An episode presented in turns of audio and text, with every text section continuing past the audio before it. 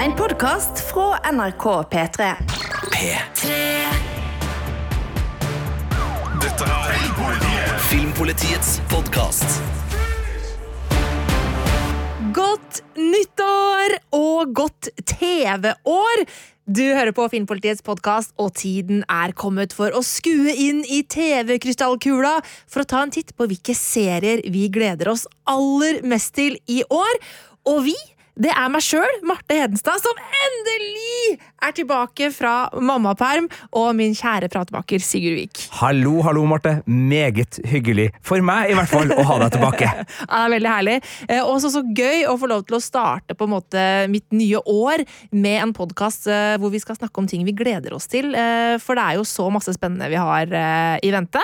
Det er veldig mye spennende som er i vente. Vi har jo akkurat oppsummert eh, serieåret 2023, som var et godt serieår med mange høydepunkt. Da var kanskje følelsen vi satt med at det var mange oppfølgersesonger. Som Ja. var liksom eh, de beste seriene eh, fra fjoråret, mens i 2022 så var det mange nye. Da hadde man liksom Pachinko, Andor og Severance og The Bear, som var liksom bare nye på toppen. Mens i fjor så var det litt mer oppfølgere. Så er det jo spennende, da, for det kommer både en del spennende oppfølgere i eh, 2024, og det kommer en rekke nye titler som eh, vi gleder oss veldig til, og som vi selvfølgelig, som alltid, ender opp med. eh, Vi gleder oss, vi starter året. Det her er de titlene, eh, og så ser det kanskje litt annerledes ut når vi oppsummerer året, så bare vær advart alle sammen. Det her er ikke noe nødvendigvis sånn og det kommer til å bli høydepunktene for 2024. Det Vi er har kun fasiten! personlig gleder seg eh, til entusiasme som, som preger det her. Absolutt. Og du som hører på, skal altså få våre topp ti eh, forhåndsfavoritter, kan vi jo kalle dem. Eh, men, men Sigurd, eh, hvis vi skal putte noen overskrifter da, for hvordan TV-serieåret 2024 kanskje kommer til å se ut, hva, hva er det vi har der? Nei, altså Basert da på et par dager på internett, eh, som jeg og du nå har eh, lagt bak oss, og, og, og kikka litt i, i strømmeguidene, eh, så, så ser det jo ut til at vi får en del uh, velkjent. Altså Vi får påfyll av Stjernekrig i Star Wars, to nye, eller tre nye, og kanskje litt mer serier derfra. Det blir dragekamp i House of the Dragons Ja. og Game of Thrones. Fremdeles aktuell seriefavoritt for 2024.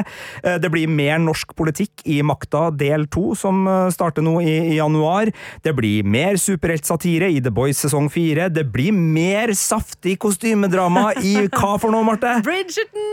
Å, det blir gøy! Sesong Ja. er vi vel på nå. Sesong tre kommer på Netflix, og så blir det mørk krim noir i True Detective sesong fire. Så de store oppfølgerne ligger jo uh, klar her. Det er jo noen nye titler her, altså spesielt i Star Wars så er det jo ikke direkte oppfølgersesonger, men i hvert fall én av dem skal foregå i The Mandalorian-tidslinja, så, så det, det henger jo Ja. sammen i en galakse langt, uh, langt borte. Ja, det er veldig, veldig gøy, altså. Og så er det jo noen serier vi skal ta farvel med. Ja. Uh, det er jo noen som enda uh, liksom uh, har lommetryklet framme etter at The Crown runda av i desember. Det var jo kanskje fjorårets Det ble vel kanskje ikke fjorårets største finale, men det var vel den man hadde liksom Innrømmelse. Ja. Har ikke sett den. Nei, jeg fikk terningkast tre ja. av oss i, i Filmpolitiet den Mm. eh, siste sesongen. Men i år så er det jo noen store. altså What We Do In The Shadows, en av mine favorittkomiserier, skal nok uh, runde av med sin sjette sesong i år. Yellowstone, en favoritt for mange, Ja. eh, skal runde av hovedserien, men der er det jo såpass mange spin-off-serier i det her Kevin Costner-baserte eh, moderne westernlandskapet i USA at eh, helt slutt blir det vel eh, neppe. Cobra Kai, nok en eh, actionkomediefavoritt hos meg, som skal runde av med sin sjette sesong. Star Trek Discovery, Marte. Ja, Guri land, det er jo en storfavoritt hos meg, og det, der skal vi ta farvel, altså. Der skal vi det. Og så er kanskje den største tittelen sånn ja, Hvis man eh, i hvert fall tar uh, mange år og, og stor popkulturell innflytelse Curb Your Enthusiasm på HBO Max skal runde av med det som da vel er tolvte sesongen i uh, 2024. Og så kan det hende at The Handmaid's Tale også takker av, men der er det ikke bekrefta, og det har jo vært eh, litt utsettelser, så, så, så den, den er på kanskje, men det er mulig The Handmaid's Tale også får sin finale i året som kommer. Ikke sant? Så der er det noen avskjeder som er på gang, men hvilke andre tendenser har vi i serieåret 2024, Sigurd Vik? Ja, eh, det, det er virkelig ikke eh, nok eh, research eh, gjort til å, å, å, å se noe stort, men det var et par ting som, som eh, vi beit oss merke i da vi liksom satt og så på hva er det egentlig som, som kommer her, og det ene er jo at de som har sans for mote kan glede seg, fordi det er to ulike dramaserier om henholdsvis Cristobal Balenciaga i serien med samme navn, som kommer på Disney Pluss, og så er det da Christian, Christian Dior, jeg tror, versus Coco Chanel i The New Look, som da er en Apple TV Pluss-serie som kommer. Og så var det veldig tydelig at mange filmer får serieutvidelser i året som kommer. Altså, The Penguin er jo en utvidelse av The Batman, hvor Colin Farrell skal, skal Ja. spille eh, den skurken. Eller det, vi får nå se hva det blir. Alle skurker blir helter, alle helter blir skurker, osv. Uh, Sonic the Hedgehog-universet utvides med Knuckles, eh, og det er vel Sonic the Hedgehog 2-filmen som den da spinner videre på. Eh, The Gentleman-filmen til Guy Ritchie skal også bli TV-serie på Den Netflix. likte jeg godt, syns jeg. Den fikk en solid eh, Ja. terningkast fire av meg, ja. Ja, Det, det ålreit. ja. Jeg husker middels uh, gangsterkomedie i flott innpakning. Ja, for der var var det vel Matthew McConaughey og, og litt sånn, ja. ja. Uh, Ted, den her eh, bamsen. eh, Som Ja, ja, uh, Seth MacFarlane satt eh, stemme til, og som hang sammen med Mark Wallberg, skal også få en spin-off-serie. Eh, og så kommer det også en eh, Mr. and Mrs. Smith-serie basert eh, på filmen uh, Mr. and Mrs. Smith fra Ja. 2005. eh, stikkord Brangelina. Så det er vel de eh, et, ja, Jeg tror ikke vi skal være så pompøse og si at vi har plukka opp noen tendenser, men, men det var i hvert fall eh, noen trekk som gikk igjen ved Ja. serieåret vi har foran oss. Men så er det noe som eh, prega hva skal vi si, nyhetsåret slash serieåret i fjor, som vi kanskje tror vil prege serieåret 2024, nemlig streikene i Hollywood. Ja, eh, der var det jo en del utsettelser på grunn av dem allerede i fjor. Altså serier vi egentlig trodde skulle komme i 2023, kommer i 2024 på grunn av eh, streiken. Både fordi innspillinga ble stoppa, innspillinga ble ivaretatt av eh, andre enn showrunnere og manusforfattere da de gikk ut i streik. eh, Og, og det var også selvfølgelig promotering som var en viktig del av hvorfor en del Eh, store filmer og store serier ble eh, satt på, på vent. Så det blir jo interessant både å se på eh, om det er store serier vi forventer at skulle ha kommet i 2024, som da blir utsatt til 2025. Altså, Vi har jo et par sånne stortitler som vi ikke helt tørs å sette på, på lista. Andor sesong to, for eksempel. Og ja, du kan jo si det. Sesong to av Ringenes herre, Maktens ringer, har vi jo ikke turt å putte på lista. Ikke bare fordi eh, kanskje premieredatoen er litt usikker, men fordi at eh, Altså, hva gjør det med kvaliteten på en sesong eh, når den siste måneden av innspilling eh, så er ikke serieskaperne til stede, eksempel på sett? Det kan jo ha konsekvenser. Ja, øh, Faste lyttere av Filmpolitiets podkast vet jo at øh, vi er meget opptatt av Ringenes herre maktens ringer. Det er en egen spesial som ligger i appen NRK Radio, som du kan lytte til, som tar for seg øh, stort sett alt. Ja. og det gjorde jo at vi var veldig sånn Kan vi finne noe, noe konkret? Altså, hva, hva kan vi liksom er det, no, er det noen som har sagt noe som helst? Men vi fant vel ingenting som var helt overbevisende på at det var skråsikkert at den skal komme. Det står fremdeles på Wikipediaen til sesong to at 2024 er året. Og innspillingen ble jo ferdig uh, før skuespillerstreiken gikk i gang, men manusforfatterstreiken var allerede i gang, og det gjorde jo at uh, kanskje avslutningsvis på innspillingsfronten så, så var ikke eh, serieskaperne uh, på sett, og det kan jo hva, altså, hva skjer hvis man plutselig finner ut at oi, her, det her funka ikke helt, vi må skrive om? Det er jo det. Og så er det noen 19 produsenter som skal skrive om, liksom. Det, det kan jo Nå kan jo heldigvis, eller dessverre, vi altfor lite om uh, serieinnspilling. til å, og, og i hvert fall uh, i, i den skalaen til, til å vite noe om hvordan det er. Men, men det gjør jo at vi er litt skeptisk. uh, Ja, til den konkret, men også, vi er også litt var på at både utsettelser og kanskje også behovet for mer postproduksjon har meldt seg på enkelte ting, og Ja. reshoots og, og det som, uh, som da kan følge med. Så, så det vil vel muligens være noe som preger serieåret 2024 i uh, ukjent grad enn så lenge, men, men uh, de- den ligger der som en ikke skygge, og, og, og streiken den var viktig og, verdifull for, for Hollywood, men det, det gjør jo at det der enorme tilfanget av uh, titler som vi har hatt, kanskje vil merke litt, og så er det jo også noe med uh, strømmekrigens uh, um, fase, fordi det har jo vært eh, det som kalles peak TV, altså det har vært en enorm produksjon hvor de ulike strømmetjenestene har kjempa mot hverandre, og det har ført til eh, veldig mange titler, og, og et eh, produksjonsnivå som har vært ja, rekordhøyt. Ja. Det blir jo spennende nå som HBO sine titler plutselig dukker litt opp på Netflix. Du plutselig ikke finner Westworld noen plass på noen strømmetjeneste fordi den er fjerna, og man merker liksom at man driver og ser noen endringer, eller mulige endringer på sikt, i hvordan strømmetjenestene tilbyr sitt innhold til oss eh, forbrukere, som vi blir i denne settingen, selv om vi i Filmpolitiet foretrekker jo eh, publikum og kunstnere, selvfølgelig, alltid, det, det, det vet dere jo. Men det er jo noe som, som kan gjøre seg mer gjeldende, eh, både med sammenslåinger og, og andre ting utover i året, men der er det for tidlig til å, å spå noe, noe konkret. Der må vi nesten bare vente og se. Men jeg tror nok 2024 blir et år hvor vi ser mer av starten på et litt endra strømmelandskap enn vi har gjort de siste, ja, egentlig i hvert fall fem årene, kanskje ti årene, hvis man eh, tar i litt. Men selv om det er noen titler som da har falt bort uh, for oss uh, på vår toppliste, så uh, var det likevel ganske vanskelig å, å sette opp den topp ti-lista og begrense oss. for det er jo veldig mye som kommer på plakaten utover året.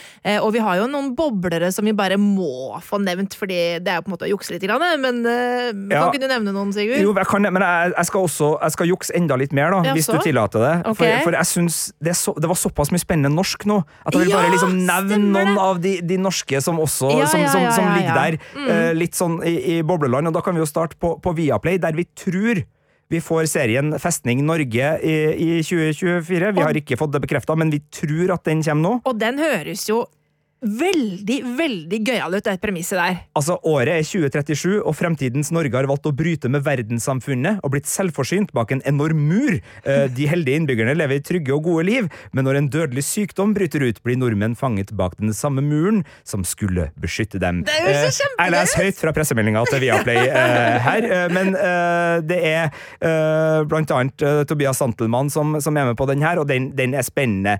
Og så kommer jo Netflix med hele tre norske serier i 2024, i hvert fall eh, enn så lenge, så er det planlagt det. De har eh, La Palma, som er en katastrofe, vulkanbasert katastrofeserie eh, satt til den Kanariøyen som heter La Palma, med Anders Båsmo, Ingrid Bjørnse Berdal og Thea Sofie Lochnes, blant annet, og produsenten av Bølgen bak det. Lakseøya er oppdrettsrikinger i kamp mot hverandre uh, på en øy. Var det, var det uh, Succession i Lakse-Norge? Uh, Ja, vi får, vi, får, vi får se hva det, hva det blir der. Eh, Bjarne Brøndbo har også en birolle, uh, visstnok, i, i Lakseøya, så den er vi spent på.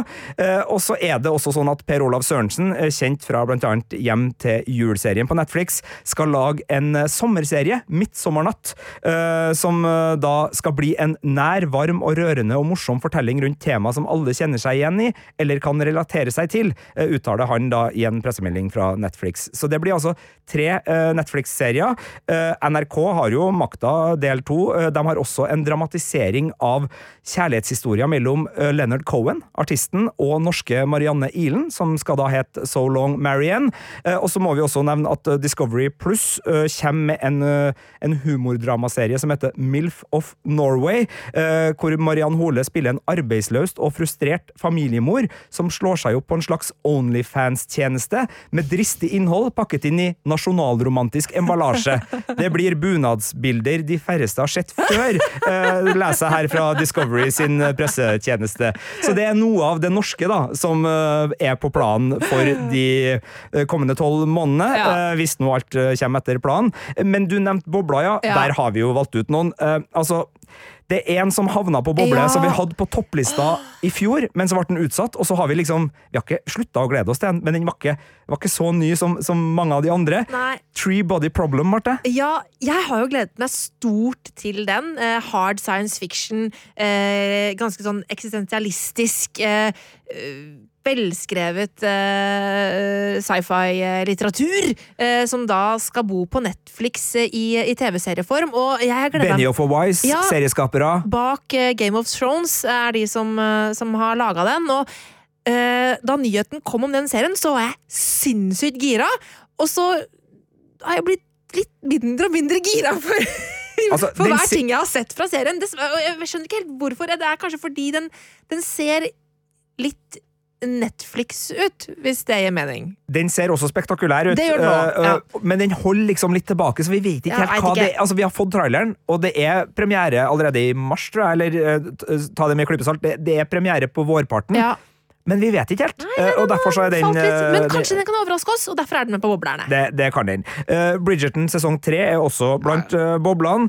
Eh, og eh, det er også House of the Dragon sesong to. Det er også Star Wars Acolyte. Det er også Mhm. The Bear sesong tre. eh, The Boys sesong fire og What We Do In The Shadows sesong seks. Så vi har Yes. putta en del eh, favorittserier med oppfølgersesonger der. Og det er jo ikke for at vi ikke gleder oss masse til dem, men, men New is always better, sa Barney i How I Met Your Mother en gang. eh, og det er litt sånn, altså Det nye og det spennende er, er litt spennende, men det er også noen helt nye titler som har kommet på boblelista. For eksempel Expats, som skal gå på Prime Video, som handler om eh, det Nicole Kidman spiller en dame som eh, bor i Er det Thailand eller noe sånt nå? Så blir eh, barna hennes kidnappet eller noe sånt nå. Det ser veldig spennende ut. Og så har vi The Regime, som skal komme på HBO Max, hvor Kate Winslet ser ut til å spille en eller annen diktatoraktig person. Jeg har sett en trailer, skjønte ikke helt hva det handla om, men det så veldig spennende ut. Det er spennende. Og så kan vi jo nevne da at allerede nevnte eh, Festning Norge eh, på Viaplay og ehm, Lakseøya på Netflix også er blant boblene, for der er det tematikk eh, her til land som jeg, jeg er spent på. Eh, Ja. Både litt eh, laksekrangling og eh, ikke minst norsk dystopisk samfunn. Ja, ja. Ja, Det, det, er, det er stas. Jeg gleder meg. Men nå, la oss bare gyve løs på topp ti-lista. Vi skal gå gjennom alle våre ti forhåndsfavoritter, altså seriene vi gleder oss aller mest til i år. Og du har allerede nevnt den, Sigurd. Mr. and Mrs. Smith. ja. Eh, basert på filmen med samme navn, eh, hvor eh, Brangelina eller Brad Pitt og Angelina Jolie, som de egentlig Det var der de møttes, folkens! Det var der de Eh, Vi kjenner ikke dem personlig, Marte. Vi Eh, altså- erkjenne at det vet ikke vi. Det, Det, det, var, det, var, det var der eh, de visstnok ble sammen. Visstnok. Visstnok. Altså, vi liker jo filmen, Ja, den er gøy! eh, men altså, det er ikke nok til at jeg putter en serieversjon av den filmen på topp her. Grunnen til at jeg har eh, virkelig lyst til, og, og, og nå, nå, nå, nå sier jeg, det er mulig du har Jo da, jeg gleder meg, jeg òg, men Ja, det er ja, du som har fått den med på lista. Det er riktig. det. Altså, Donald Glover, eh, kjent som musikkartist under Charlie Gambino-navnet, og, og serieskaper av Atlanta, en hiphop-dramedie som er en blant mine favoritter. Han har spilt i Community og gjort det bra. Han har spilt Lando Calrissian i Solo A Star Wars Story. Han er både medserieskaper her og spiller da Mr. eh, Smith. Yes. De har også gjort om litt på premisset, så her er det to spioner som må utgi seg for å være et ektepar. Og det er da Donald Glover og Maya Erskine som spiller de to, og ut fra traileren så liker jeg kjemien deres. Det er en litt annen type humor. Donald Glover spiller nok en rolle han eh, er veldig trygg på å spille, på en måte den litt sånn eh, ja, altså, hva skal man si? Han har et sånt vemod over seg, Ja. som han også har i Atlanta Ja. som er en sånn fin inngang til litt sånn øh, forviklingshumor med en, en stemningsfull forviklingshumor, tror jeg er det jeg vil, vil si. Så, så hvis traileren på en måte uh, treffer litt av de tonene, så er jeg veldig med på det. Og han har også skrevet manuset her sammen med Francesca Sloane, som har skrevet både for Atlanta og Fargo. Eh, To eh, serieunivers som har vært oppe på terningkast seks hos meg. Så, så hvis det blir liksom spionspenning og humor med eh, snev av Atlanta og Fargo, i tillegg til at det er en god øh, øh, sånn Altså, det er jo ikke første gangen uh, Mr. og Mrs. Smith og det der spionekteparet eller leiemorderekteparet spilles ut. Det er, jo en, en, en klisjé som, som av og til funker, og av og til ikke funker, men, men jeg håper da uh, at det her skal funke, og den kommer da på Prime Video allerede 2. februar, så jeg trenger ikke å vente så lenge for å finne ut om actionkomedien uh, med Donald Glover og Maya Erskine svinger eller ikke. Eh, Så skal vi over til eh, den eh, niendeplassen, som bringer oss til en av de norske seriene du nevnte, som jeg har trua på. Fordi det er noe med katastrofefilm. Ja. Eh, Og, og, og det er ikke alle som liker det, Nei, men, vi gjør det. Vi gjør det. Ja. Eh, Og spesifikt så er det òg veldig gøy med vulkanfilmer. Eh, Altså, Dante Spik, Ja. en god gammel slager, eh, var en av mine favorittfilmer en periode for mange, mange, mange mange år siden.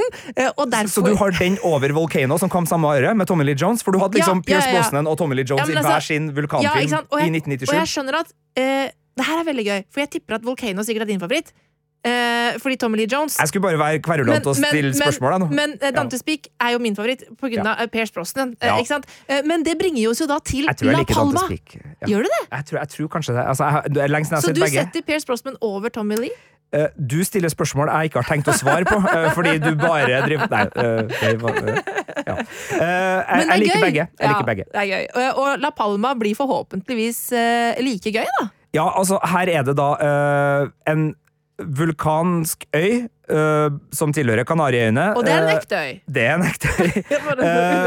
uh, og, og, og vi vet jo ikke så mye her, men og, og vi er jo nødt til å på en måte anta Det er jo ikke sikkert det her skal altså, Fordi en god katastrofefilm da både flirer du og blir spent. Mm. Ja. Altså, du, det, du blir dratt med av katastrofefilmen, men du sitter også og flirer av den der forskeren som sier fra i god eller ikke i god Det er alltid oppdaget en det. forsker som sier fra i god tid. det er en forsker som, som har funnet ut noe, advarer mot noe veldig nært forestående. Ingen hører på! Ingen hører på, eh, blir bare liksom flirer av, og så redder vedkommende dagen litt. Altså Det går som regel ganske dårlig, Ja. men, men vedkommende redder dagen litt. Ja, Vedkommende fikk rett. Ja, Vi vet jo ikke om det er denne oppskrifta som nå skal bli en serievariant på Netflix. Altså Det her kan jo være en dramaserie som Mhm. eh, er mye mer opptatt av for, altså Ut fra pressebildet så er det en familie her hvor Anders Bosmo og Ingrid Bolse Berdal eh, er, er med øh, da, da sine, spilt av Bernhard Storm Lager og Alma Gunther, som da er barna i denne familien.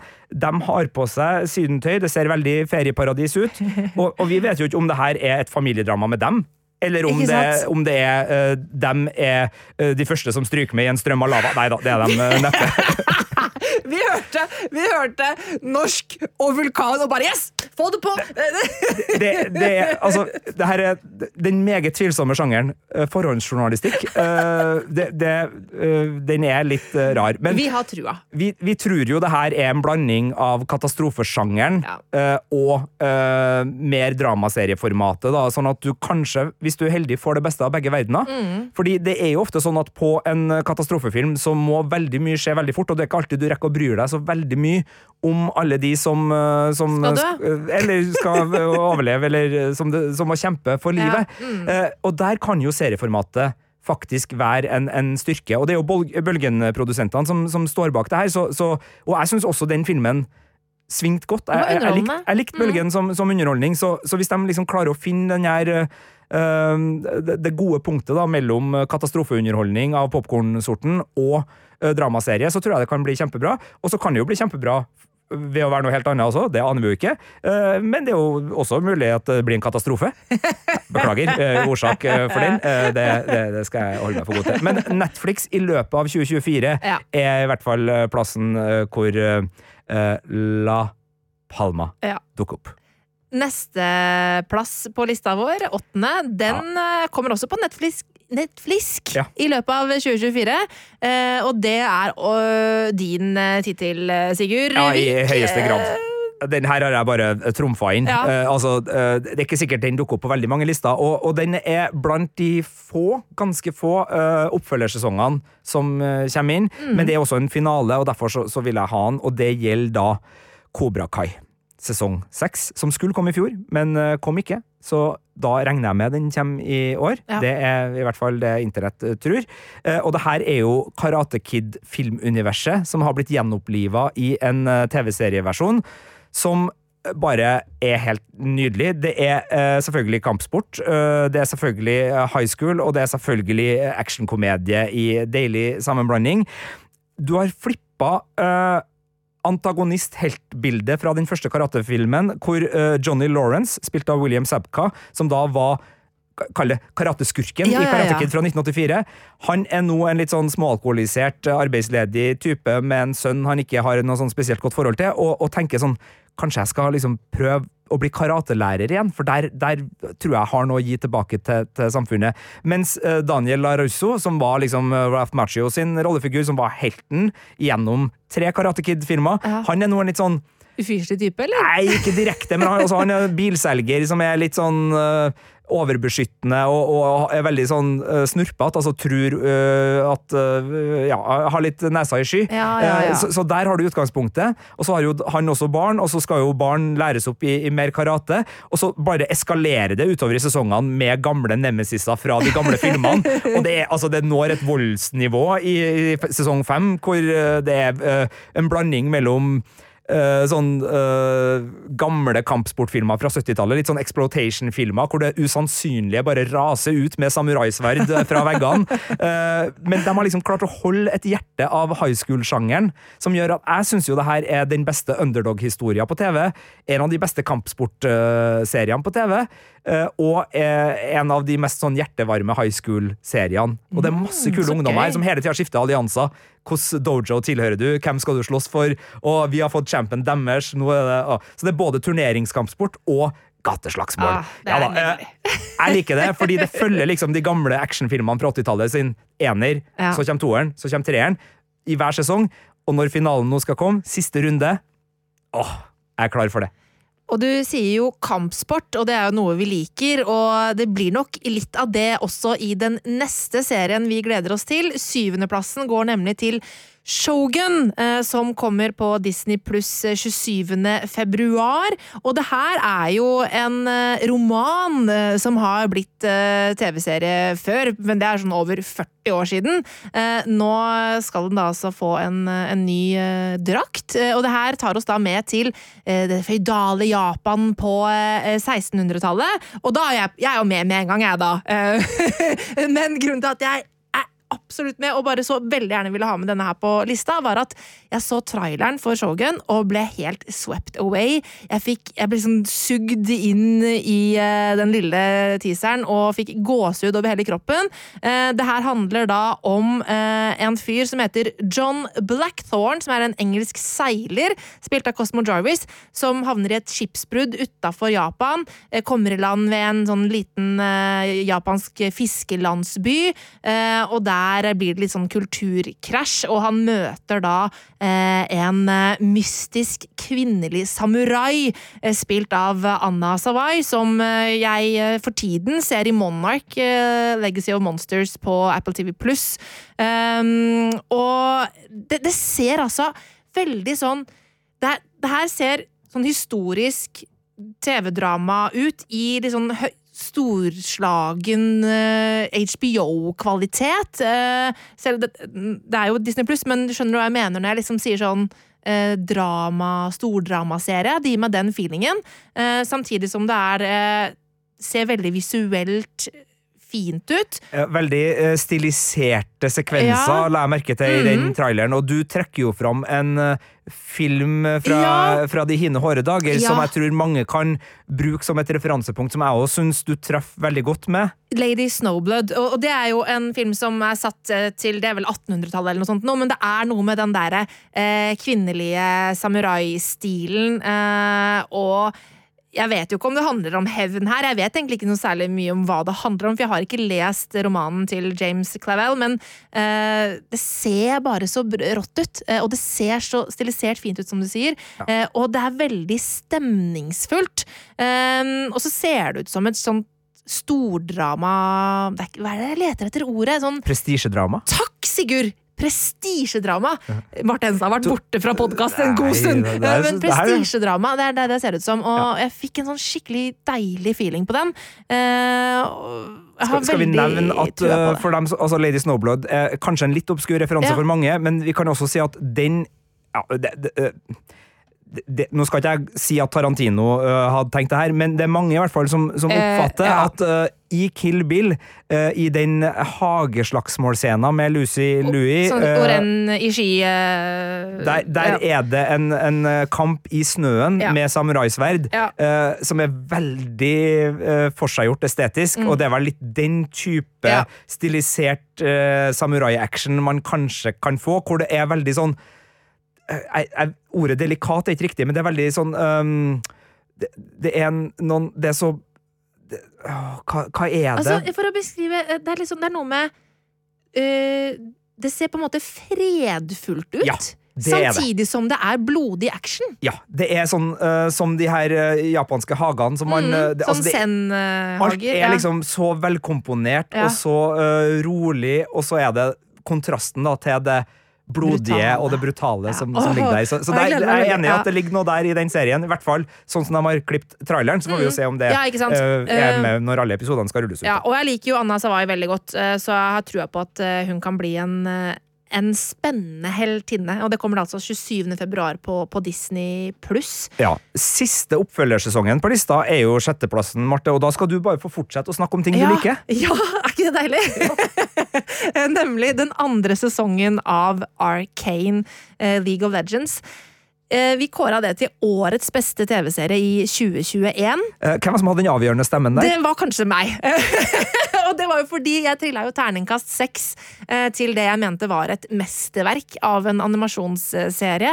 Eh, og det var så overraskende, fordi eh, jeg husker da den ble annonsert, den serien, så tenkte jeg ja ja, ok, det er sikkert en sånn type serie man må ha spilt League of Legends for å like, at det blir sikkert bare noe sånn for den fanskaren der.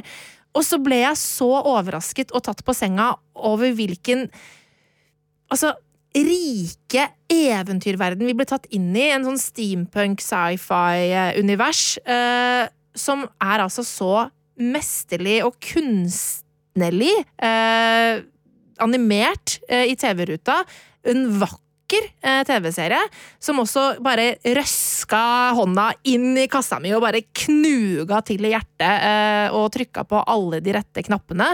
Eh, en vanvittig sånn fin historie om eh, familie, vennskap, og tap og svik og, og alt som følger med. Ja, for den er så kompromissløs. Mm. Uh, altså, det er mange, eh, spesielt i Hollywood, som tenker at uh, ja, vi må få folk glad i rollefigurene, og så skal de oppleve motgang, men vi skal liksom hele tida heie på dem, og vi skal hele tida liksom vite hvor sympatimuskulaturen vår er. Og så har det selvfølgelig kommet et ras av antiheltfilmer Ja, og ja. serier, men, men også der så er det ofte med en sånn viss forsiktighet og tydelighet. Men Arcane er brutal Mm. med dem du blir glad i. Absolutt. Og virkelig liksom tvinge deg til å, å kjenne etter hvor alliansene sitter i, i kroppen. Så, så den, og, og, og liksom det vemodet Mm. rundt noen av rollefigurenes utvikling er sånn skikkelig sette seg i magen. Så, så jeg syns også den lykkes veldig godt der. Ja. I tillegg til at, så vidt jeg husker, du må hjelpe meg litt hvis jeg tar feil her, men episodene var også delt inn litt sånn som filma gjennom Ja, sesongen. det at det var ikke liksom sånn Her har du ti episoder, øh, øh, vær så god, øh, nå, nå, skal, nå blir det lang historie her. Men at det var, det var, det var sånn tre og tre episoder er sånt, som, var- som gjorde at det funka veldig godt som Ja. Øh, underholdning. Og Netflix slapp dem også, tre og tre. Ja. Eh, og da var det på en måte en litt sånn historieark eh, som fikk en liksom snurr på seg eh, i, i hver av de tre episodene. Eh, som fungerte veldig, veldig fint. Litt mer sånn etablerende i den første fasen. Så, ja, ikke sant? Eh, og, og det fungerte veldig, veldig bra. Og men så sånn, En ting er historien, og den var veldig gripende, og jeg elsket rollefigurene umiddelbart, og de fikk utvikle seg på spennende vis i løpet av den sesongen. Eh, men også sånn den kunstnerlige delen av det.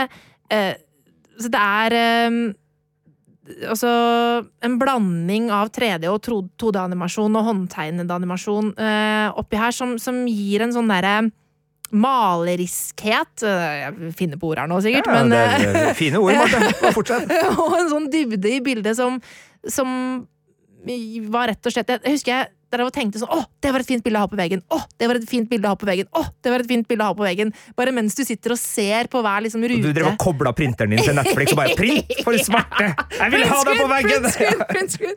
Men det var så vakkert. Eh, så ja, det var en virkelig sånn slagkraftig TV-serie som eh, jeg har gleda meg til å se fortsettelsen av. Eh, og den kommer da altså på Netflix i november. Ja, eh, eh, bare skyte inn der, fordi Netflix har et litt sånn avansert presseopplegg hvor de forteller om ting og tang. Ja. Eh, Den er bekrefta til november i USA Ja. gjennom deres Tudum-lanseringer. Tudum, tudum. Eh, den har ikke, det står ikke på den norske serveren når den får norsk premiere, men vi antar jo Det er veldig sjeldent at Netflix ikke har parallelle premierer, så, så, så vi setter november også på norgespremiere på, Ja. på den. Uh, og vi holder oss på Netflix. Dæven døtte, så mange Netflix-titler vi har. Vi har, vi har ikke vært sånn uh, Og det, det sier jo litt, da, at vi, uh, vi har ikke vært sånn derre Nå skal vi ha så og så mange serier fra den strømmetjenesten og så og så mange serier fra den strømmetjenesten. Vi har, bare, vi har gått for pur glede seg til og bare tatt de tingene som, som vi personlig uh, syns er mest spennende. Ja, skal, Eh. jeg- skal, Og uten å liksom uh, avsløre for mye, så kan jeg si at det her også da er den siste Netflix-serien. Ja? Eh, så Ja, så godt, herfra og inn Ja. så ikke noe mer Netflix. Ja, men det var godt, da. Det var ikke bare Netflix på lista. men eh, den tittelen som kommer nå, det er jo eh, en som eh, jeg gleder meg, men jeg er òg litt redd. Ja, jeg, jeg Dess mer jeg eh, leser om den her, dess mer redd blir jeg. Eh, det er vel min inngang til det. Og, og du hadde den jo litt høyere enn meg. Ja. Men jeg hadde den også med, fordi hvis det er bra, Ja, så kan det bli veldig bra. så kan det bli veldig bra. Ja. Men eh, begge de originale eh, skaperne har jo trukket seg fra Ja. prosjektet også, har ikke Ja, de det? jo, de har jo det, fordi de sa at det her, Netflix sin visjon var ikke det de hadde sett for seg. Ja. Abort mission! Abort! Skal vi si hva det er? Ja, det er altså da uh, Avatar The Last Airbender live action-versjonen Ja. av denne uh, høyt elskede og aktede animasjonsserien. Hvordan gikk det forrige gang noen prøvde å lage noe live action av den? Nei, eh, nei altså, så vidt jeg husker, så var jo det han godeste M. Night Shyamalan som lagde spillefilm av den, og, og, og den kalte eh, vår kjære kollega Birger Vestmo for usedvanlig tafatt og tåpelig og trilla terningkast én. Mm. Så det Vi håper jo det blir bedre denne gangen. Nei, ok, men, no, det, det er lett å liksom oss, samle altså. ja, det, det er lett å samle noen uh, sånne uh, poenger mot Avatar The Last Airbender, men, men hvorfor gleder vi oss, Marte? Jo, altså, Én ting er jo det at eh, denne eh, animasjonsserien eh, har et eh, univers som vi gleder oss veldig til å se i eh, live action-format. Og traileren ser jo virkelig spektakulær ut. Det er et eventyrunivers her som eh, kan bli utrolig spennende å bare kaste seg ut i. Eh, så det syns jeg virkelig kan bli veldig spennende. Og så er det jo også det med at Netflix har jo ved flere anledninger nå gjort eh, animasjonsserier eller eh, tegneserier om eh, til eh, TV-serier i eh, live action-format. Eh, med skiftende hell. Eh, hvis det blir som Cowboy Bebop, så blir vi ikke så veldig begeistret. Nei, det var en sjælløs utnyttelse av et fantastisk uh, rikt animasjonsunivers Men- som jeg ikke l- syns var, var nødvendig, Jeg nei. tror ikke jeg så ferdig den Nei, sesongen engang. Den fikk en snill terningkast tre av meg, husker jeg. Ja, mens OnePiece, som kom i fjor, var jo en av de beste seriene jeg så i hele fjor. Eh, der klarte de jo virkelig å naile eh, det universet de forsøkte å, å skape i TV-ruta. Så eh, det gjør at jeg har trua på at Netflix kan få det til eh, denne gangen også. Eh, og hvis de har gjort det, så tror jeg det kan bli veldig, veldig bra. Så jeg, jeg gleder meg til eh, Avatar The Last Airbender, eh, selv om det er en del ting som taler imot serien. Men den kommer jo 7. februar allerede, så da, da finner vi ut da, hva, hva, hva resultatet har blitt. Det er eh, spennende. Eh, Det var altså den siste Netflix-serien, eh, og vi skal ha et ganske tydelig sjangerskifte når du skal fortsette å, å lede oss gjennom fjerdeplassen. Ja, eh, jeg kan jo si Hvis jeg sier sånn Hva er den beste krigsserien som noensinne er laga? Da, da er det to titler som kommer opp i hodet mitt. Ja, eh, Allo Allo og Generation Kill. Det er de to du tenkte på? Eller tenkte du på Band of Brothers og The Pacific? Jeg tenkte faktisk på Generation Kill og Band of Brothers. Okay, så For jeg er ikke så fan av Pacific. da, jeg, skulle bare bort fra HBO på Eller det skulle jeg. Jeg kom ikke meg bort fra HBO, men, eh, men jeg skulle bort fra Band of Brothers-linja. jeg er enig, Hallo, hallo er faktisk Ja, Hallo, opp hallo, der, altså. er helt uh, der oppe. Men uh, eh, det, er, Brothers, ja. ja, det er ikke en HBO-serie, det her. Det er. Apple TV Pluss, men det, det henger sammen med Band of Brothers uh, på, på sitt vis. Ja, og det er jo The Pacific. Eh, ja, og det er jo fordi at det er trioen Steven Spielberg, Tom Hanks og Gary Gutzman eh, som lagde de nevnte seriene. Eh, de har jo da returnert som produsenter denne gangen. Eh, og så har da eh, eh, denne nye serien som vi kanskje skal si navnet på, Masters of the Air, eh, blitt skrevet av John Orloff og Graham Yost, og de var også manusforfattere på Band of Brothers.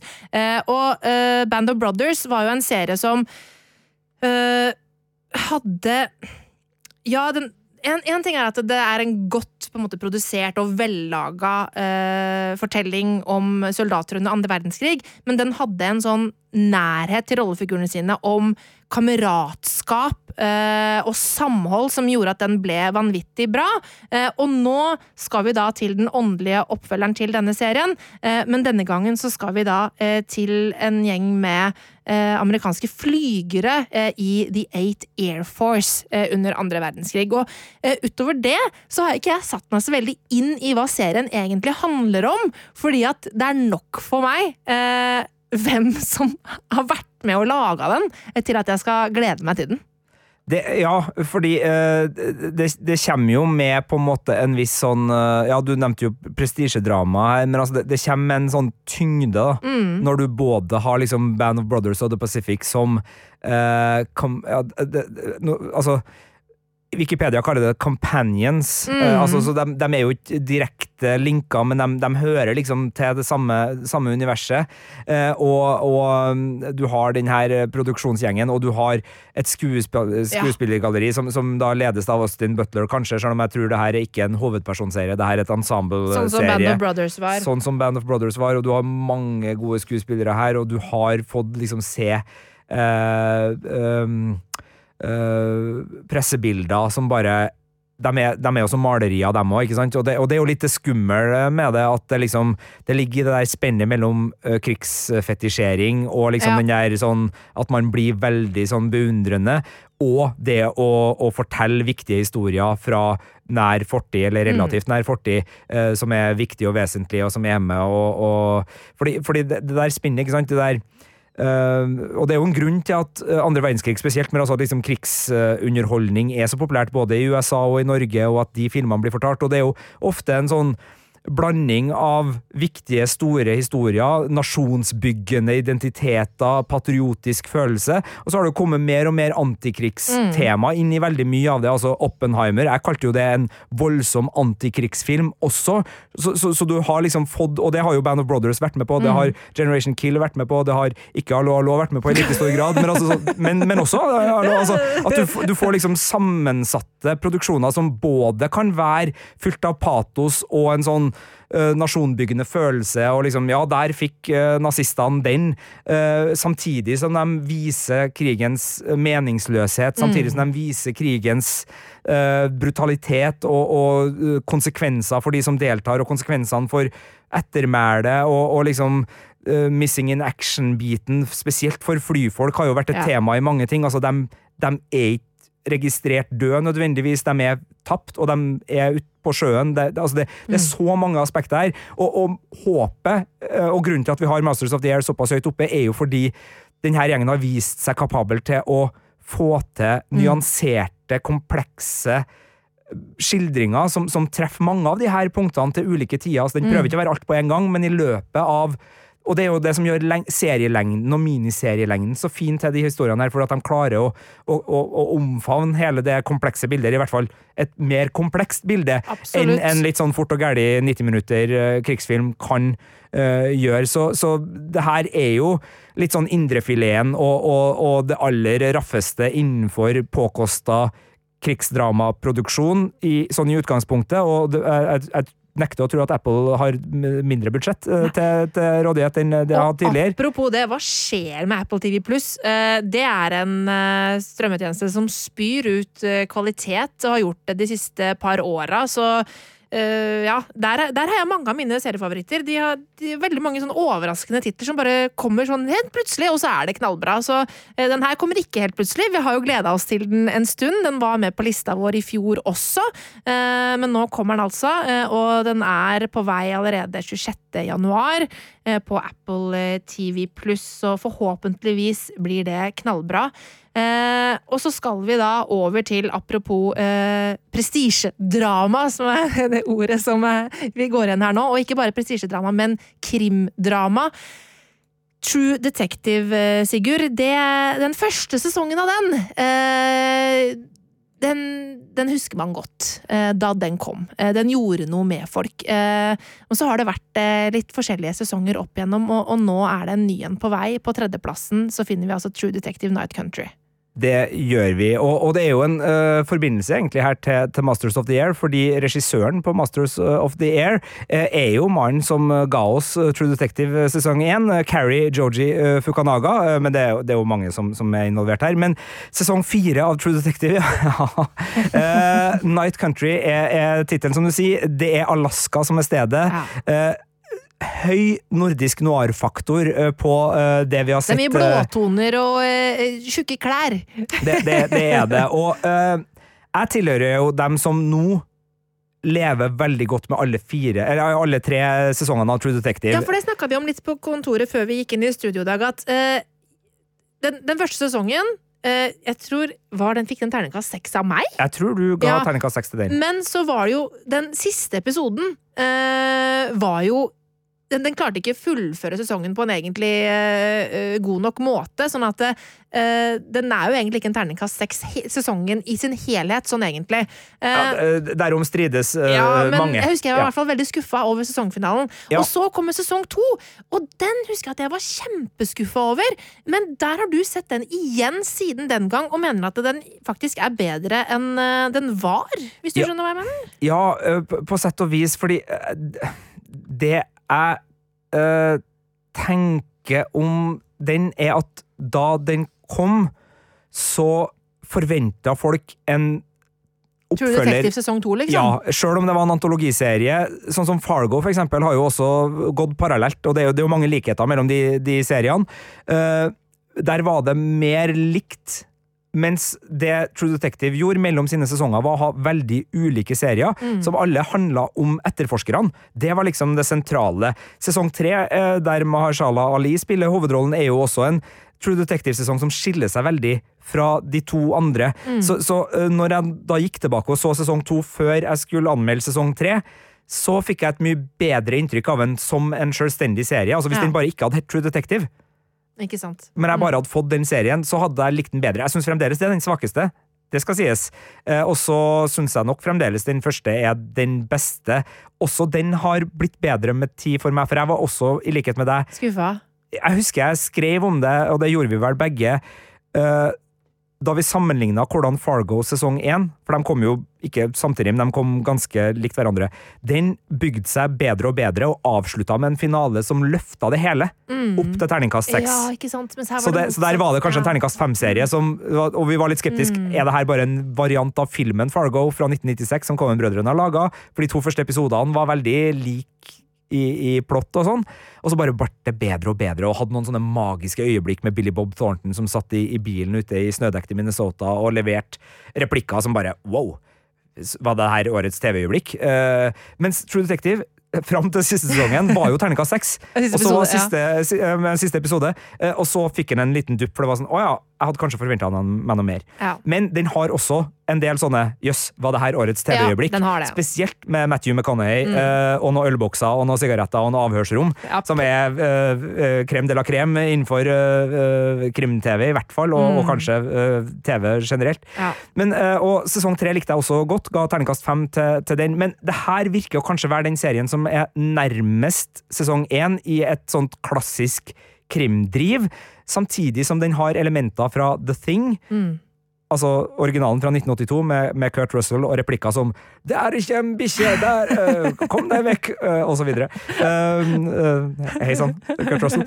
Uh, ikke remaken fra 2011, selv om den også eh, ja. Jeg ser Kurt Russell på TV om dagen. da. Ja, du gjør det. Monarch. Eh, eh, ja. Det, det, han er, den har også litt ting i seg, men det, nå snakker vi ikke om det. Eh, den har Ta det på nytt. Den har litt The Thing i seg. Ja. Den har litt Fargo i seg. Ja. Fordi med en gang du får stemning og snø, så, så er jeg der. eh, litt. rann.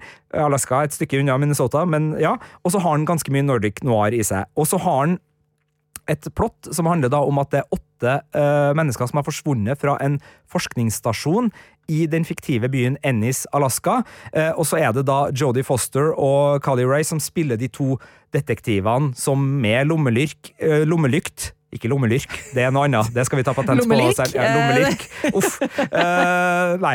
Lommelykt uh, og, og liksom den der dedikerte detektivgreia Ja. som er liksom den samlende tingen for True Detective-seriene. Det er jo den der etterforskeren som ikke klarer å la saken ligge. Mm. Som er en forslitt klisjé i veldig mange serier, men som True Detective har dyrka til å liksom studere. Mm. Ja. Hva er det som gjør de her detektivene eh, så true? Eh, altså, hva, hva er det som gjør dem så besatt, som, Ja. som gjør at de liksom ikke har privatliv og ikke klarer å ha sine relasjoner og bare liksom bruker all sin uh, hjernekapasitet til mysteriet? Mm. Nå har ikke jeg sett True Detective sesong fire, vet ikke om det er det som kommer til å skje der, men, men hvis man tar med seg de forventningene Ja. i møte med traileren, stillebildene, rollegalleriet og, og plottet, Ja. så blir jeg begeistra for det her, og jeg gleder meg til å sette meg ned nå ganske snart og se den, for den har jo premiere allerede 14. januar Ja, på HBO Max. altså. Så, så det her er jo og, og jeg har jo storkosa meg med Fargo sesong 5 nå i, gjennom uh, vinteren. Det har vært en serie som bare også har vokst seg bedre og bedre, med uh, da Juno Temple, kjent fra Ted Lasso, og uh, John Ham, kjent fra Mad Men, som to øh, virkelig øh, gripende hovedpersoner der. Eh, og jeg er jo da veldig spent på, på hva eh, Ja, altså Jodie Foster er jo en av de skuespillerne Litt sånn som da eh, Kevin Costner bare dukka opp i Yellowstone. Ja. Det er en sånn der, ja, du var jo, Ja. du var jo største stjerna. Og det er veldig gøy, fordi at det, eh, det er en liten scene i eh, eh, i traileren, eh, hvor hun sitter, og, hun sitter på gulvet og sprer noen bilder utover og driver og nøster opp i noen tråder. Eh, og da fikk jeg så innmari sånn Contact! Eh, den filmen hvor, eh, hvor Jodie Foster nøster opp i noen alien-tråder. Eh, og, og, hun var jo på en måte en slags etterforsker i den. Og, og da tenkte jeg ja, men hun kan jo det greiene der. Eh, jeg gleder meg skikkelig til å se henne i, i denne rollen. Og jeg, det er så gøy når sånne skuespillere som, som har hatt sånn skikkelig storhetstid for mange år siden, plutselig kommer tilbake og kanskje får en ny storhetstid. Det, det ser veldig lovende ut. Bare, nå bare fikk jeg uh, 1991 Apropos foran Matthew McConney! Altså, eh, Matthew McConaughey var jo også i Contact! Se der. True Detective! Og, og fikk et comeback med True Detective. Ja, eller det er ikke sant, Han fikk et comeback med Wolf of Wall Street. Og, ah, var det egentlig et comeback? Ikke kall det et comeback, Jo, det var litt comeback. Det var litt comeback, eh, ja. eh, Men det var comeback fra en annen sjanger. Ja, men det Eh, var, han, han endra seg over til drama, eh, fra litt mer sånn romcom-opplegg. Han var innom romcom-opplegg. Ja. Men jeg, nå bare tenkte jeg sånn 1991. Hvor stor var ikke uh, Jodie Foster da, med liksom Nattsvermeren? Ja, herregud, eh, altså. og liksom hele den det er veldig gøy. Det er sånn, ja, Jodie Foster som etterforsker! Contact, ja! Du gikk dit. første jeg trekker Altså, frem! eh, det, ikke det, det er lov. Altså, Clary Sterling, FBI-agent, som jakter Hannibal Lekter Altså, det Eller er får hjelp av Hannibal Lekter. Men det var bare akkurat det bildet i traileren som fikk så innmari contact-feeling på. Ja. men, uh, men jeg gleder meg veldig, og, og hun er jo en fantastisk skuespiller, Jodie Foster, eh, som jeg gleder meg til å se igjen. Og, eh, vi har, nå har vi snakka mye om de forskjellige True Detective-sesongene og, og forskjellen på, det, på dem og sånn. Du nevnte at eh, den her virker å være kanskje litt mer i ånden som den første sesongen. Og det syns jeg også går på stemningen, for stemningen i den traileren her den Ja. er litt mer sånn mystisk, Ja. sånn som den var i sesong én. Ja, og det er jo derfor altså, The Thing er jo en overnaturlig Ja. altså, Det er jo en skrekkfilm med, Mm. med overnaturlige elementer. Jeg aner ikke om det er noe tilfelle her. Nei, ikke heller, men, men- men, det er en den sånn der- følelse. Ja, og og det er også der den der nordisk noir-vibben kommer. Mm. Men uh, den er kanskje også litt sånn uh, det er vel reklameversjonen av nordisk noir jeg tenker på, og ikke nødvendigvis noen nøyaktig Altså ikke Broen, ikke nei, Forbrytelsen, nei. ikke Nei. Men, men den der vibben Ja. av nordisk noir, det der uh, uh, vinterkledd uhygge Ja, ja, ja. Men det er en og- fin vibb, det. Ja da, det, ja. det, er mange, det er mange som ikke øh, Altså, det, det er litt hva man liker. Altså. Vi liker både skrekkfilm og krim og lar oss underholde av det. Og det er klart, Da sitter man jo og snakker i veldig positive ordlag om eh, ganske forferdelige ting. Så det beklager vi jo, Jo, jo. at vi gjør. Men men eh, akkurat hatt den der talen om krigsfilm, og, og så går rett over i sånn ja! Blod, blod, blod. Eh, men, eh, men det, er jo, eh, det er jo underholdning, det her. Er Men det. er, hvis vi er heldige, så er det også en, en eh, psykologisk eh, del av det Ja. som, som går inn i etterforskningsbiten, som, Mm. som vil eh, være til begeistring da, når Yep. eh, eh, den her eh, ruller ut. Uh, 14. januar, altså. 14. januar, så det er rett rundt hjørnet. Uh, og vi skal holde oss på HBO Max, som da får lov til å ha et par eh, inne på, på topp eh, fire her. Eh, den som havner på plassen over, eh, vet vi ikke helt når kommer, men den skal komme i løpet av 2024. Eh, den har en del elementer som gjør at vi blir begeistra. Vi snakker om The Sympathizer, som er basert på en bok som vant Pulitzer-prisen, og som heter det samme, som kom i 2015. Eh, det er Park Chan-wook, eh, regissøren av Oldboy, som er både medserieskaper og også som skal ha litt eh, regi på det her. Han er jo veldig god på eh, sort humor, hevn Mm. og stilisert action. Apropos litt sånn, du sa blod, blod, blod i stad. Ja, det, det, det, det kan, kan, kan bli hardtslående, det her. Det kan det. Og det er- her er da en historie som øh, forteller en ganske sånn sorthumoristisk spionfortelling om en nordvietnamesisk spion under Vietnamkrigen som var i den sørvietnamesiske hæren og ender opp med å flykte til USA sammen med en general og fortsette der som spion for Vietcong. Eh, Så eh, en spion på avveie kunne han sikkert ha hett, eh, men, men den virker da ut fra, fra trailer og alt her og, og legger seg på en ganske sånn sjangerblanding mellom det litt sånn øh, humørfylte og fartsfylte, og, og elementer som, som Park Chan-wook virkelig behersker, men også litt mer at, at det er et krigsdrama inni her også. Øh, så, så litt- Samtidig som den lefler med litt sånn absurditeter. Det gjør den, fordi Robert Downey jr. er med til gangs. Uh, vi vet ikke helt hva han skal spille, men han skal spille flere skurkeroller, ifølge uh, Wikipediaen til denne serien. Uh, og ut fra de få bildene og traileren og sånn, så ser det ut som det er et ganske rikt spekter av ulike amerikanere Robert Downey jr. spiller. Og også elementet Uh, hvem er spioner, hvem er ikke spioner, hva må en spion gjøre, hva kreves av en spion, når blir en spion lurt, osv., osv. Virker å være en sentral del av spillet her, og da er det jo også artig at Sandra Oh er Ja, med. ja. Uh, så, så, så det er mange skuespillere, uh, skapere, regissører, og ikke minst da Pulitzerprisene, bok som ligger til grunn for, for manuset, som gjør at det her Ja. virker å kun bli en litt særegen, men allikevel uh, litt sånn jeg liker alle delene. Ja. Jeg tror derfor kanskje jeg kommer til å like helheten. Jeg tror det her Eh, kommer til å bli et veldig gøyalt eh, høydepunkt i løpet av serieåret. Hvis eh, serien er så bra som traileren er. Ja, eh, og- og for det ser så gøy ut. Hvis tonen Ja. er som i traileren, og det er jo alltid litt spennende, for av og til så kan jo en, eh, en trailer Den kan lure oss. den kan lure Mm. oss litt. Det kan virke mer som et drama, og så er det noe annet. Og så kan det virke mer som en komedie, og så er Mm. det noe Ja. Men, men her så er i hvert fall, eh, om ikke komedien er til stede, så er det i hvert fall humør til stede i, i eh, traileren som, som gjør at jeg, jeg er, er spent på The Sympathizer, som da er både laga av HBO og A24, som er litt uh, filmprestisjeselskap uh, Ja. også inn der. De står vel også bak The Curse, som uh, er en serie som for så vidt kunne ha vært med på denne lista, bare den kom i 2020 Den starta i 2023 i USA, og så kom den mm. sånn at den ble anmeldt av Filmpolitiet. Ja. til terningkast fem Ja. i romjula. Av så den ligger allerede Min ute. Min gamle vikar Ingvild, var det ikke hun som anmeldte den? Ingvild anmeldte Ja. den til terningkast fem, og det er jo da Nathan Fielder og Emma Stone som spiller hovedrollen i en meget klein uh, serie om et ektepar som skal bli økovennlige bolighaier og begynne å flippe leiligheter og skal lage reality-serie om det. Og hvis du har sett Nathan for you eller uh, andre Nathan Fielder-produksjoner, så vet du kanskje at det her er uh, ikke uh, uten et visst behov for Ah, det her er kleint! Ja. Det her er så kleint. Så, så det var også A24 med å, å lage, og den ligger da ute på Sky Showtime. Eh, Så det var et sidespor. Eh, Skal vi da avsløre førsteplassen, Marte Henstad? Ja, altså la oss gå til den serien vi gleder oss aller mest til eh, i år.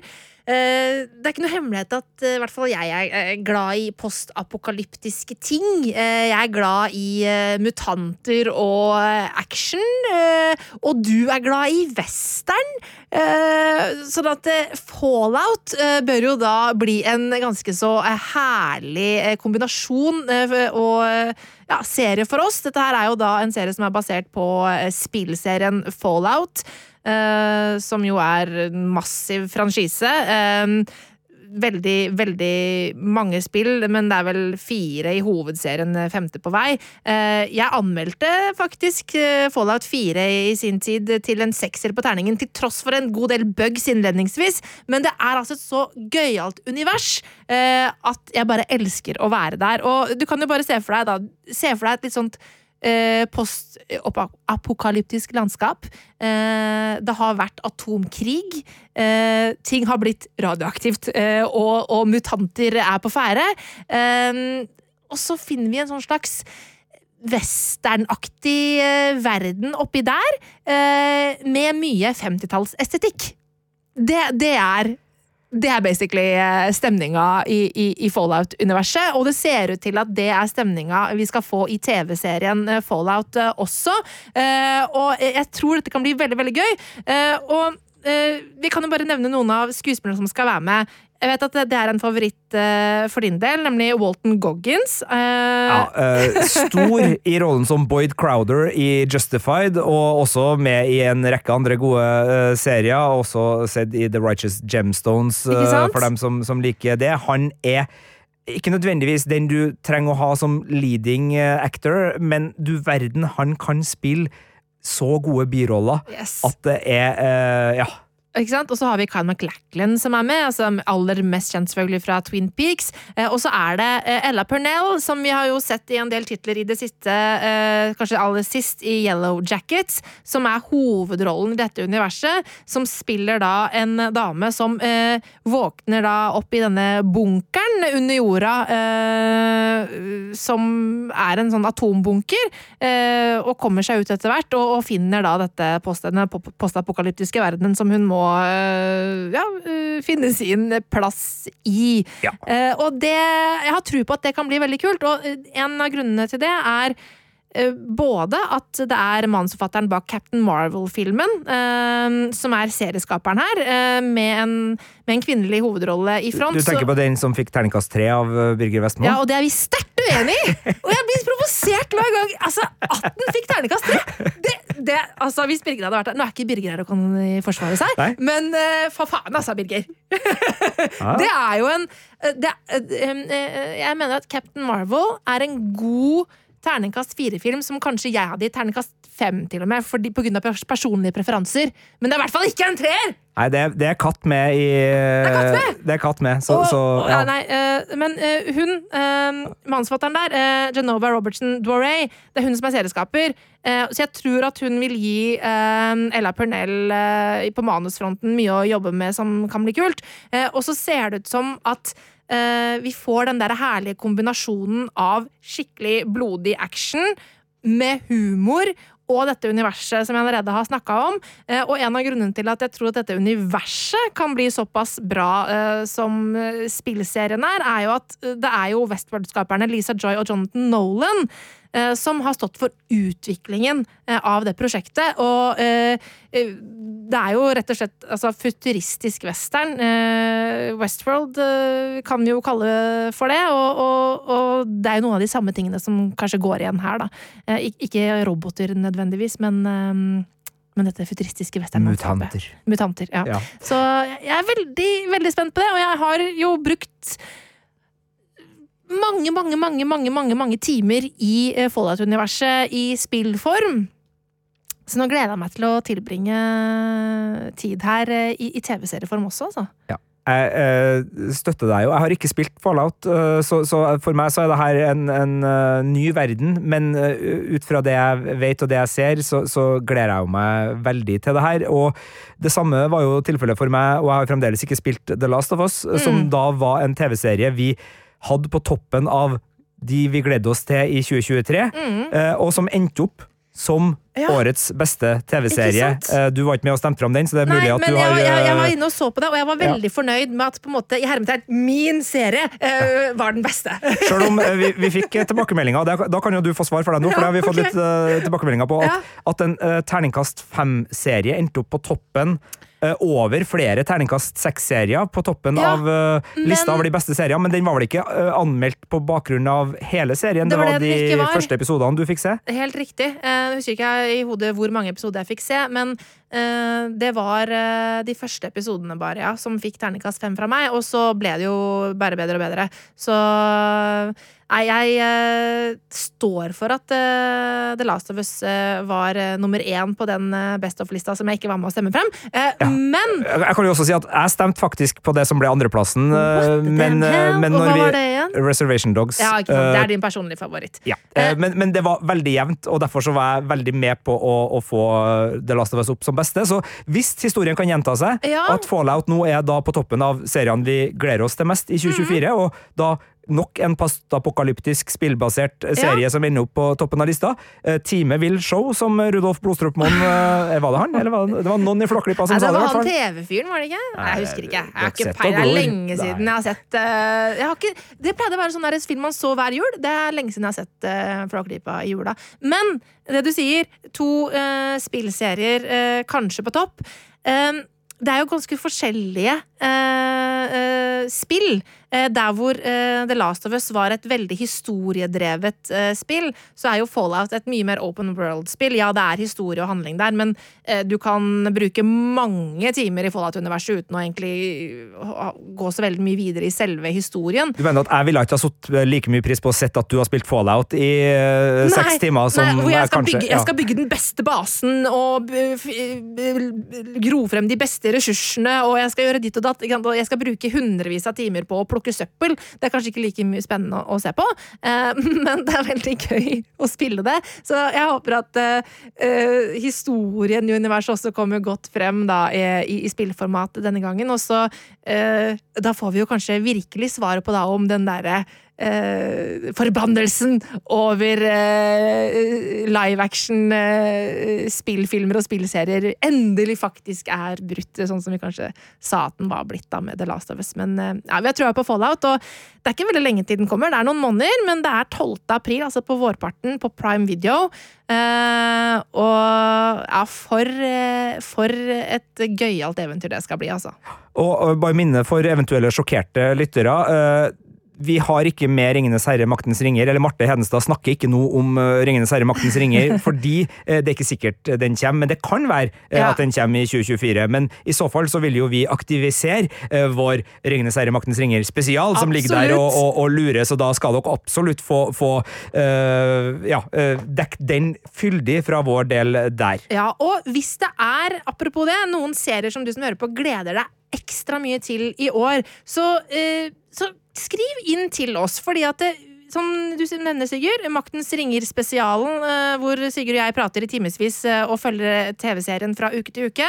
Eh, sånne ting har vi jo lyst til å gjøre mer av. Ja, og det kommer jo uh, House of Dragons, og uh, Godtpodden blir reaktivisert Mm. Oh, yes. når den kommer. Det kommer nye Star Wars-ting, så se opp for The Mandalorian-spesialen, eller Star Wars-spesialen vår. Der kommer det nok til å dukke opp ganske mye nerding.